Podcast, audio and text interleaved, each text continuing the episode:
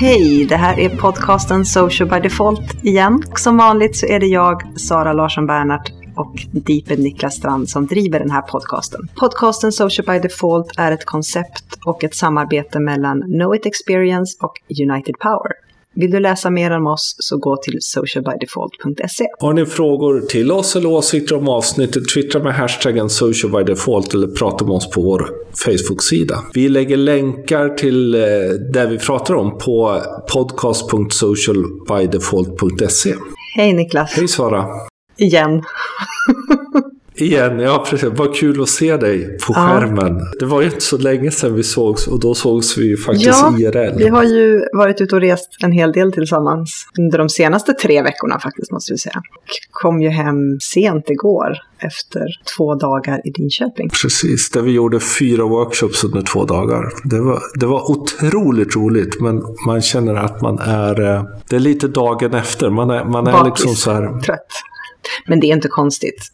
Fyra separata, helt olika workshoppar och på tå hela tiden. För det är ju det. Även om jag är extremt tacksam för att vi är två som gör det, så man är ju fullt fokuserad under så många timmar. Mm. Den veckan då, när, när det här släpps så är det Mm. typ söndag kväll, måndag eh, som vanligt. Då är vi på gång igen med en ny vecka. Då blir det lite jobb i Göteborg. Ja, Och sen har vi, och, drar vi till Linköping igen eh, och ska föreläsa Mm, på en det frukostföreläsning. är eh, ju eh, mitt företag, Knowit, som har en frukostföreläsning i Linköping. Och nu vet vi att det har varit många som har anmält sig, men det finns säkerligen möjlighet att trycka in några fler. De håller på att byta lokal till en större. Precis, och vi kommer lägga eh, en länk där. Jag ska få en eh, länk av eh, Per som eh, jobbar i Linköping, Mm. så vi kan lägga dit den. Och sen har vi, inte då nästa vecka, men lite längre fram, ska ju du och jag prata på e-commerce i Stockholm. Mm, Ja, för då ska ska vi ju spännande. gå lite, bredda vår repertoar. Vi ska prata Omnikanal och 360. Precis.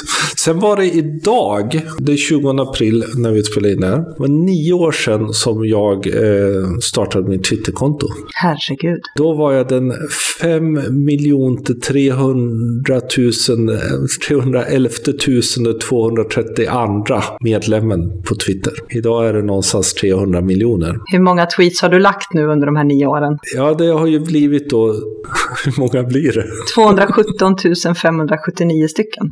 På senare tiden. Igår, var det, igår kom jag, tänkte jag faktiskt på det, inte det här att det var ett tag sedan, men just det här att under gårdagen var jag nästan inte alls på Twitter. Dels för att vi jobbade, men sen förrän sent och väldigt mycket. Alltså mitt Twitter-användande har förändrats. Delvis säkert på Twitter, men sen också att det har kommit andra. Jag menar, Snapchat tar mer tid av, jag tycker det är roligare med Snapchat och så. Mitt Twitter-användande har jag märkt har förändrats från att ha varit väldigt kommunikativt till att bli mycket mer att jag omvärldsbevakar och hittar länkar och tar mig vidare någonstans. Det är nog den största förändringen. Mm. Min fundering är mer eh, om jag om ett år faktiskt kommer använda Twitter alls. Och framförallt hur Twitter då kommer vara. Alltså, jag gillar ju Twitter någonstans ändå, även om jag brukar numera säga att det har gått sönder. Så jag hoppas ju det. Sen tror jag att användningen förändras ju hela tiden och så är det ju egentligen med alla nätverk. Att vi går in och börjar använda nätverken på ett sätt och sen så samtidigt som nätverken förändras så förändras ju väldigt mycket den delen av vår användning. Och det dyker upp nya och man hittar andra kanaler där man kan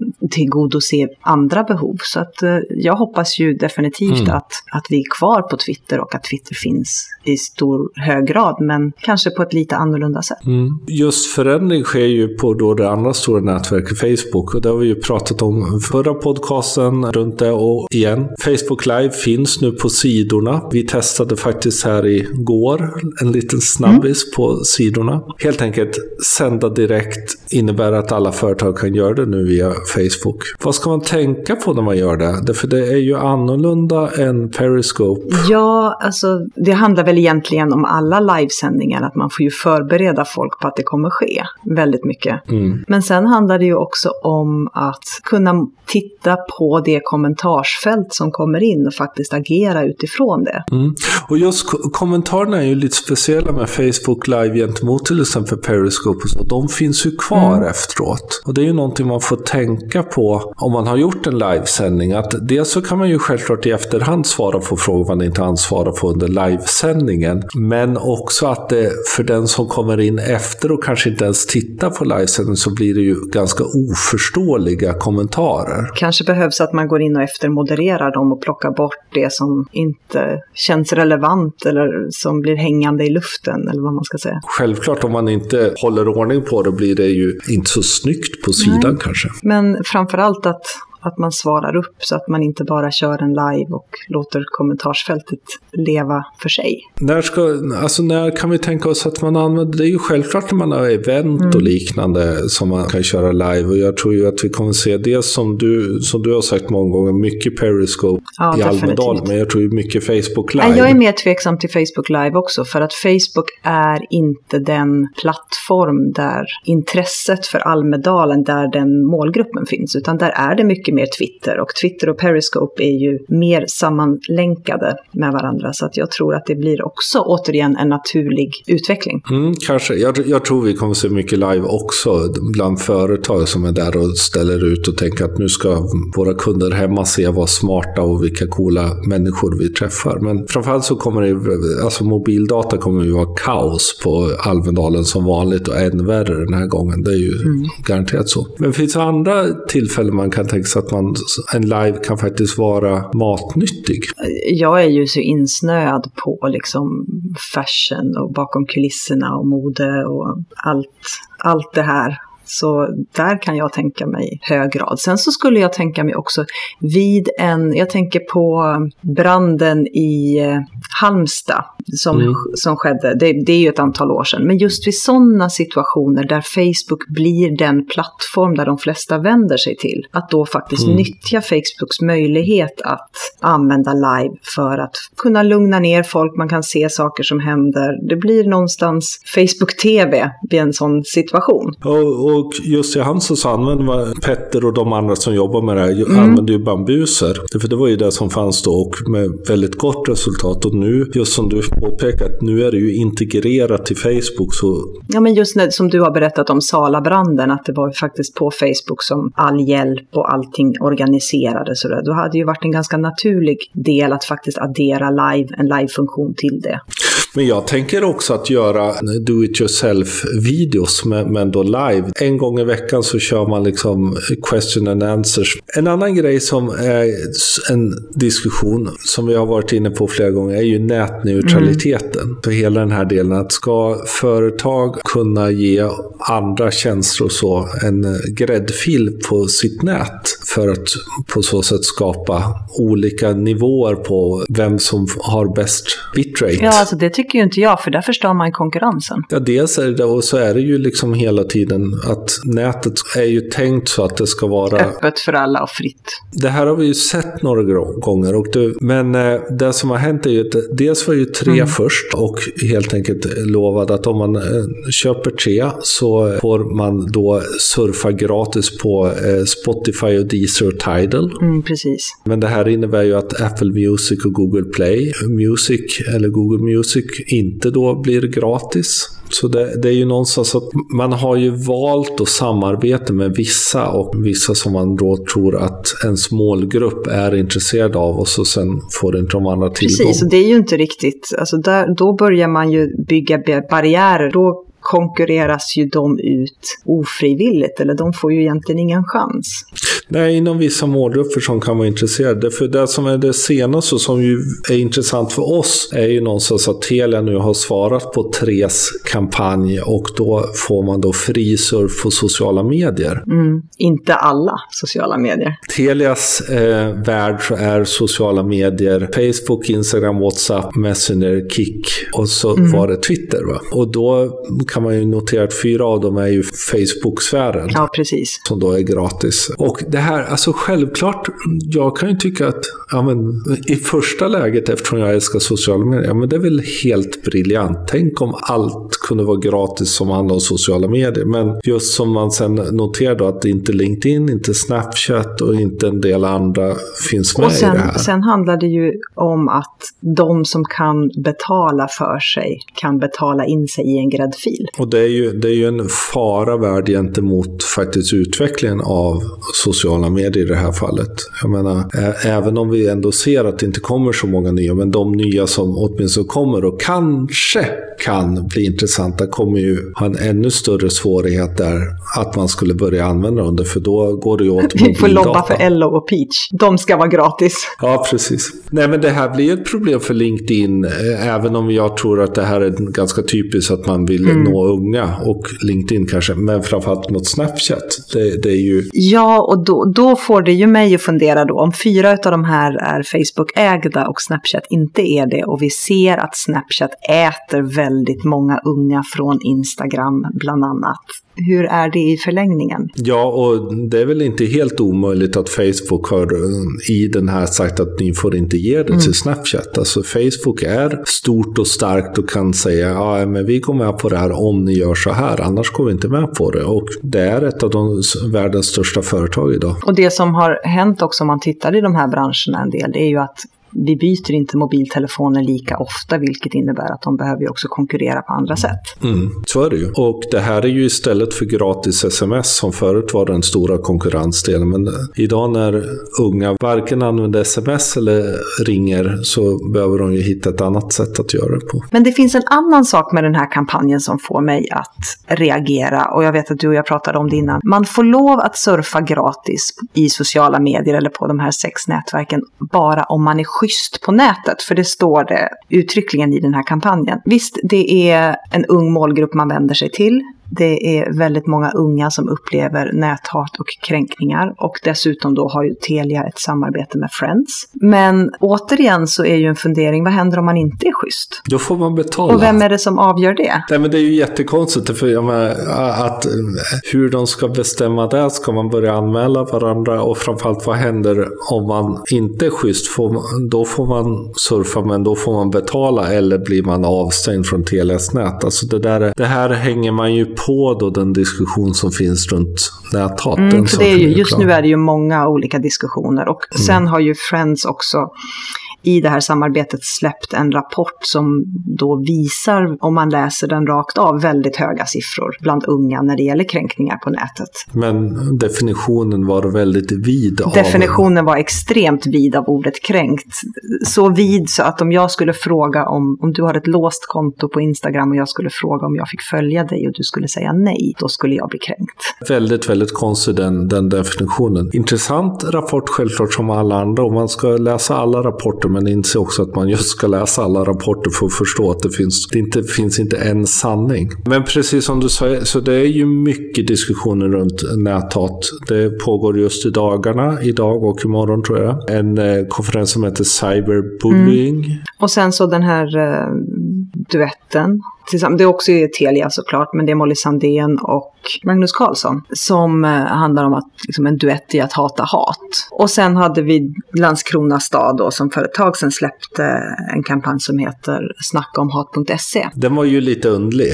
Ja, vi var ju några som reagerade eh, runt den, däribland Jonny Lindqvist. Just där tanken är ju att man då som vuxen ska anmäla sig för att då sen bli, under en vecka bli utsatt för då kränkningar på nätet. Mm, det du gör är att du kopplar upp ditt telefonnummer och så godkänner du att de ska kränka dig och näthata dig under ja. en vecka. Och det känns ju lite kon en konstig vinkling att liksom försöka förklara hat med ytterligare hat. Även om man kan tänka, ja, då ska du som vuxen få känna på hur det är. Kan, jag kan och för sig tycka, ja men det är väl en eh, kul, men vad händer sen då? Att då skapa det här för en vuxen, de kommer ju liksom tvinga sina barn att stänga allting och sluta smsa. Liksom, jag skulle bara får det Bara gå ut på Twitter och försöka få fram en åsikt så kan du känna hur det känns att bli näthatad en stund. Ja, precis. Eller, eller tycka någonting om skolan på skoltwitter. Nej, men alltså självklart, oerhört viktig fråga. Vi kommer ju också ha faktiskt ett spår på internetdagarna i höst som då kommer ta upp den, mörk, den mörka sidan av nätet. Så det här är en viktig fråga, men jag tror man också måste vara lite försiktig både med definitioner och hur man presenterar Precis. det. Och du ska ju presentera det här. Ja, jag ska mota Olle i grind. Ja, du ska ju göra sånt här som en del av oss experter eh, får för oss att göra. Helt enkelt träffa barnens för, föräldrar och faktiskt prata sociala medier. På tisdag nästa vecka så har vi föräldramöte i min dotters klass och hon är ju nio, de går i trean. Och de har ju precis börjat komma igång med den sociala aspekten på nätet. Sen att de har använt eh, paddor och telefoner och spelat och så länge, det är ju inget konstigt. Men framförallt nu så börjar de addera kommunikationen. Och då är det ju förstås väldigt många föräldrar som är oroliga. Det, det är ju trots allt åldersgräns på många av de här sociala nätverken. Ska man tillåta, ska man inte tillåta? Det finns en hel del föräldrar som inte själv är speciellt vana vid att använda och då väldigt ofta lyssnar på den vinkling som oftast ges. Att Mm. det är farligt, det är hemskt, man, barn ska inte vara där och så liknande. Så då tänkte jag att jag ska helt enkelt berätta om det jag vet om vad barn gör på nätet. Och jag är inte Elsa Dunkels och jag är inte Katarina Graffman eller någon annan superexpert. Men jag vet mycket mer än gemene man. Men mycket med tanke på vad du och jag jobbar. Och det vi, det vi ser är ju att användningen av, av nätet som liksom ligger i en ålderskategori 13 till 16 år ligger alltså på 100 procent idag. Mycket daglig användning eller en, ett antal gånger i veckan snarare. Och kan alltså inte bli högre, vilket innebär att det här är mycket en, en ganska självklar del i, i deras vardag. Tittar vi på hur statistiken ser ut vid nio års ålder har majoriteten en egen smartphone. Eh, från 11 års ålder har 98 procent en egen mobil där majoriteten ligger på smartphones. Det är liksom inga andra mobiler som är intressanta. Det är ju inte att ringa som är deras huvudfunktion med telefonerna, utan det är ju att vara sociala. Det är ju att kunna spela spel och streama filmer och titta på YouTube. Lyssna på musik. Eh, mycket underhållning. Bland de yngre åldrarna så ser man ju att eh, om man tittar liksom 0, 0 till 8 år, det är ju trots allt en väldigt bra barnvakt när barnen är små, då är det underhållning. Man spelar Mm. spel, man tittar på streamar film, tar bilder och lyssnar på musik. När börjar man använda sociala medier då? När man börjar bli lite äldre, alltså mellan 9 och 18 år, så kommer hela den sociala aspekten in. Det blir mer sms och det är inte konstigt, man lär sig skriva på ett annat sätt. Man kan liksom uttrycka sig både i ord och emojisar. Och ju äldre man blir då, desto mer sociala delar adderas. Du börjar öppna Instagramkonto och där kan du ju vara social under bilderna, men du kan också skicka DM, du kanske använder WhatsApp eller Kik eller, och även i, om man tittar på spelandet, så är det sociala mer integrerat ju äldre man blir. Så, och det här innebär ju att man helt plötsligt då har möjlighet att bjuda in sina vänner och även de man ytliga bekanta kanske, in i en privat sfär och helt plötsligt upptäcker man att det finns liksom en annan värld där som man kan vara kommunikativ i, där man kan hitta intressegrupper och vänner som liksom går bortom klasskamraterna och skolan eller fotbollslaget eller vad det nu är. Mm. Det här är väl dubbelheten i det, för samtidigt så vet vi, jag menar, pratar man med fältare och så som jag träffar, då är det ju, det, då är det ju det, den sociala del som är så förfärlig, därför de blir ju vänner med folk de inte känner och så sen kan de bli utnyttjade och det, hela, hela den debatten. Men som du säger, men här finns ju faktiskt möjligheten att träffa personer som man passar ihop med, som är som en själv, bortanför liksom att behöva bli ihopföst med de man är närmast geografiskt. Och istället med människor som tycker som en själv eller som delar något udda intresse. Och det är väldigt ofta det som tas upp när man, när man pratar med unga om fördelar med liksom, sociala nätverk eller nätet. Just det här att "Nej, men jag har lärt känna så många människor som jag inte skulle lärt känna annars. Eller jag har möjlighet att vara mig själv för jag har hittat sådana som tycker och tänker precis som jag. Mm. Den vinklingen Precis. tycker jag väldigt ofta man missar, media missar, eller när man gör kampanjer. Det är väldigt sällan man ser en kampanj som lyfter allt det här som är positivt med nätet. Mm. Utan det Ja, är verkligen. alltid de mörka sidorna som ska lyftas. Men är det inte så att de egentligen bara skickar nakenbilder och sånt till varandra? Ja, men det är väl klart de gör. Nej, absolut inte. Sen självklart finns det ganska tidigt en, en medvetenhet vilken typ av bilder som man ska skicka eller som man ska ta om man är mer genuskodade som är typiska killiga och respektive tjejiga. Och vi har pratat om det och jag vet att Statens medieråd hade ju hela det här duckface, stoneface. Och börjar man analysera bilder på nätet tagna av unga så är de extremt medvetna om hur bilderna ska tas för att det inte ska feltolkas eller Och det är ju det är väl både att man vill liksom, så att säga, bli accepterad och så, men sen så verkar det ju också finnas en, en tävlingsinstinkt någonstans. För det är ju verkligen så här, får, får man inte skitmånga likes inom en timme så tar man ner bilden, därför då funkar den inte. Alltså det är nästan marknadsförings A och B-testningar de gör på bilder. För det vet jag, vi har pratat, och jag pratat med min dotter just där, att ofta har man två olika Instagram-konton, ett öppet där man har bara snyggbilder och så ett stängt som bara man har sina vänner som man har lite fulare bilder. Mm.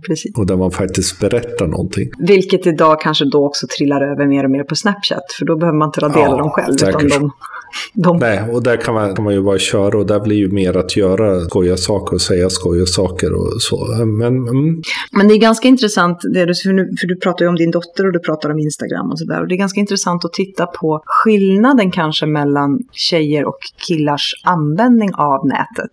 Där användningen är ganska lik upp till just 9-10 års åldern. Man spelar spel, man streamar film, men så fort man börjar bli lite äldre så, och det här sociala kommer in så ser man också att tjejer tenderar att lägga mer tid runt sociala medier som Snapchat, Instagram, titta Mm. på bloggare och liknande. Medan killarna tenderar att fastna mer för spelen. Man går in Mm. mer i en gamingvärld. Och den är ju social också, det ska man ju inte glömma. Det är ju, det, det är ju lätt att det blir att pojkar fortsätter spela spel och så tjejerna blir sociala och sådär. Men, men jag menar, gamingvärlden är ju extremt social. Vi hade ju eh, en kompis som berättade att hennes son som sitter då och gamar både Minecraft och även en del andra så här shoot em up-spel. Och han sitter ju, han gamar ju med massa ryssar, så han har ju lärt sig svära på ryska, sådana saker, när, när det inte går som man ska. Och så, ja, det finns ju en väldigt social värld där som jag tror ibland att vuxna Missar. har mindre koll på.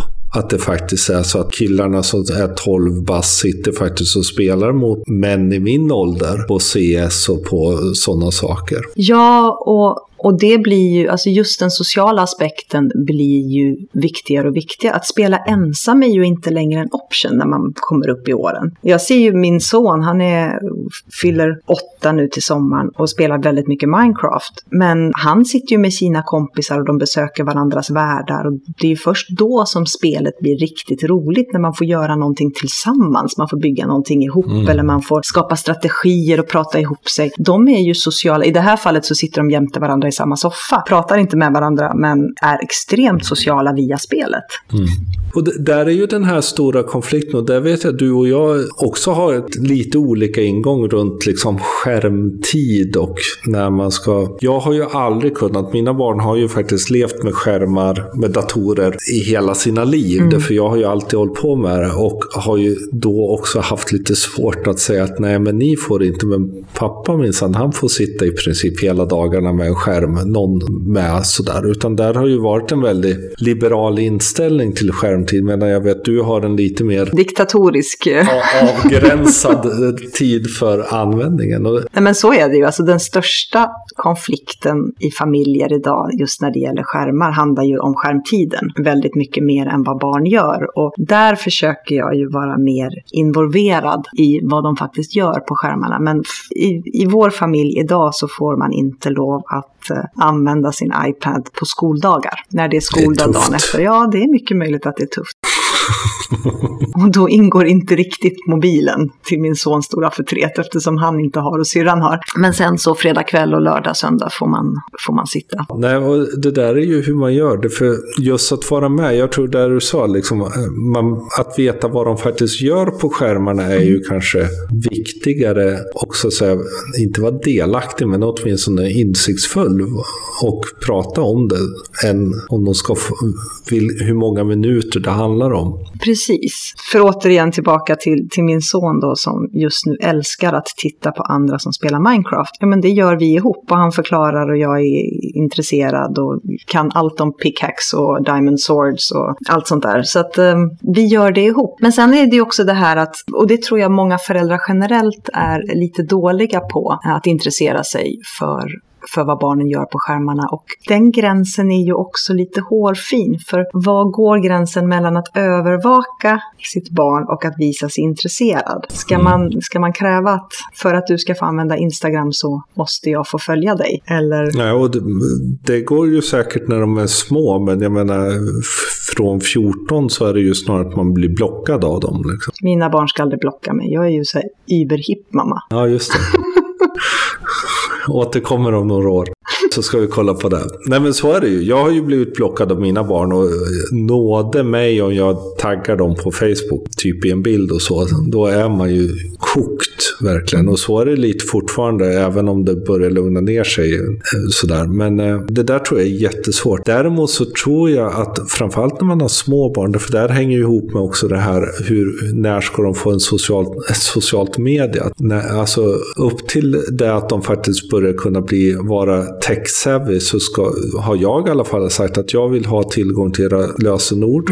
För att om något händer så ska jag kunna gå in och ta hand om det som händer. Precis. Och, och liksom samtidigt om jag misstänker att någonting sker, då kommer jag gå in och kolla vad ni gör. Liksom. Det har jag ju inte längre, för nu är de ju så att säga över den gräns där man faktiskt får ha dem. Då. Men båda fick ju Facebook när de var tio, fast man inte får det, så vidare. Och även har vi haft alla de här diskussionerna, vad ska man göra när man känner att någon gör någonting som man inte vill vara med om och sådana saker. Precis. Och det tycker jag är jätteviktigt att man har, har den diskussionen. Men självklart är det svårt. Ja, men de ska ju samtidigt få lära sig vara sociala. Vi, vi, vi hänger ju inte vid gungorna med dem liksom. Nej, eller vi bör inte göra det. Sen så finns det säkert de som gör det också. Men det handlar ju om att inte curla för mycket, men inte heller vara omedveten om vad som händer och sker. Och jag tycker det handlar om att skapa en trygghet för dem att om någonting händer så ska man som vuxen finnas. Men man ska inte liksom vara där.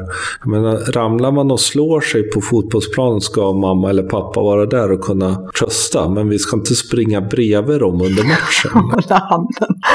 Och jag tycker sociala medier väldigt mycket kan vara samma sak. Ja, det är sant. Jo, men så är det ju. Men sen blir det ju en, en annan aspekt då, just när det gäller marknadsföringslagen. För jag menar, i Sverige får du ju inte göra reklam till barn. Nej, Och hur ska man då som företag förhålla sig till det när det kommer till sociala medier? Jag menar, nu introducerar ju jag, just för att min, min dotter då i det här fallet ska få ett antal konton att följa som inte bara är hennes kompisar. Att kunna se en annan sida också av sociala medier så har ju jag introducerat henne till en hel del företagskonton. kan man ju själv. Och det här är ju också en intressant, ja men vad är marknadsföring? Vad, vad är faktiskt det? Jag menar McDonalds bilder, de har ju produkterna på sig men det står ju inte kom och köp på dem. Nej, det ligger inbakat.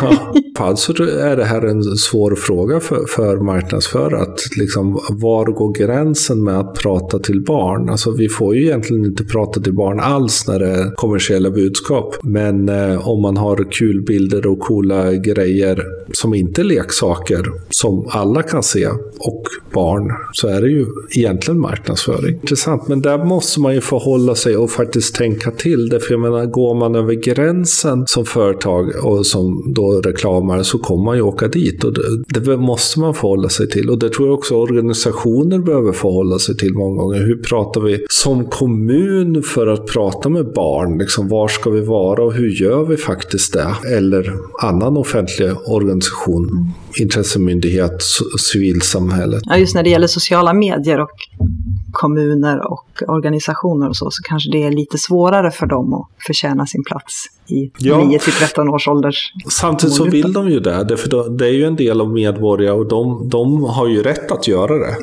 Eh, och då är det ju frågan hela tiden, vad, vad väljer man för kanaler och hur väljer man att jobba med det? Eller så får de prata via föräldrarna och så får föräldrarna i sin tur påverka dem. Nej, men det ska bli intressant att höra också vad, vad ni landar i. Framför allt den här, så, det här att många föräldrar använder ju inte grejerna själva. Nej, och det tycker jag är den, det, det största misstag. Jag, jag ska försöka formulera mig på ett sätt som gör att jag inte sticker ut hakan för långt. Men jag tycker att som förälder idag så tillhör det ditt föräldraskap. Du ska lära dig de här kanalerna för att du ska veta alla fördelar men också vara medvetna om de mindre bra sidorna som finns där. Du kan inte bara föreställa dig vad som kan hända eller lyssna på en vinkling av diskussionen utan att faktiskt vara ute och testa. Men jag återkommer med eh, det kommer gå jättebra, jag är helt övertygad. på tal om det vi har diskuterat då, på tal om just den här dragningen jag ska köra, så mitt tips för veckan kommer vara att om ni tycker att det här är intressant så kan ni gå in på statensmediaråd.se. De har ett helt avsnitt just om barn på nätet och även då en del om kränkningar och gaming och allt sånt där. Så det, Mm. nyfikenhet är bra att ha för att ge kunskap och kunskap kommer man långt med. Så in där och läs, tycker jag. Mm. Och eh, mer läsning, därför jag tänker tipsa om eh, en plats som heter Digital Donut som framför allt har en eh, knowledge-del där man alltså kan plocka ner rapporter. Företag och sånt som kommer med rapporter kan då ladda upp dem dit. Och där har jag hittat en, en mängd bra, både manualer och rapporter och sådana saker. Så otroligt bra, bra plattform. Så jag har prenumererat på deras nyhetsbrev men inte insett hur bra det var för den här för några dagar sedan när jag då insåg att de hade en mängd white papers. Mitt tips idag. Utöver det, tack så jättemycket för att ni har lyssnat. Vi lägger som vanligt in länkar och annat som vi har plockat upp i podden i våra show notes och den hittar ni på podcast.socialbydefault.se.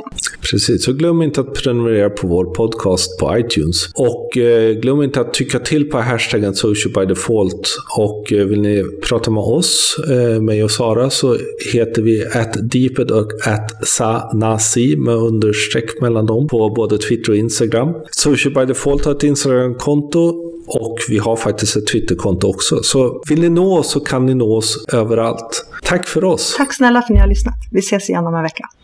Hej då!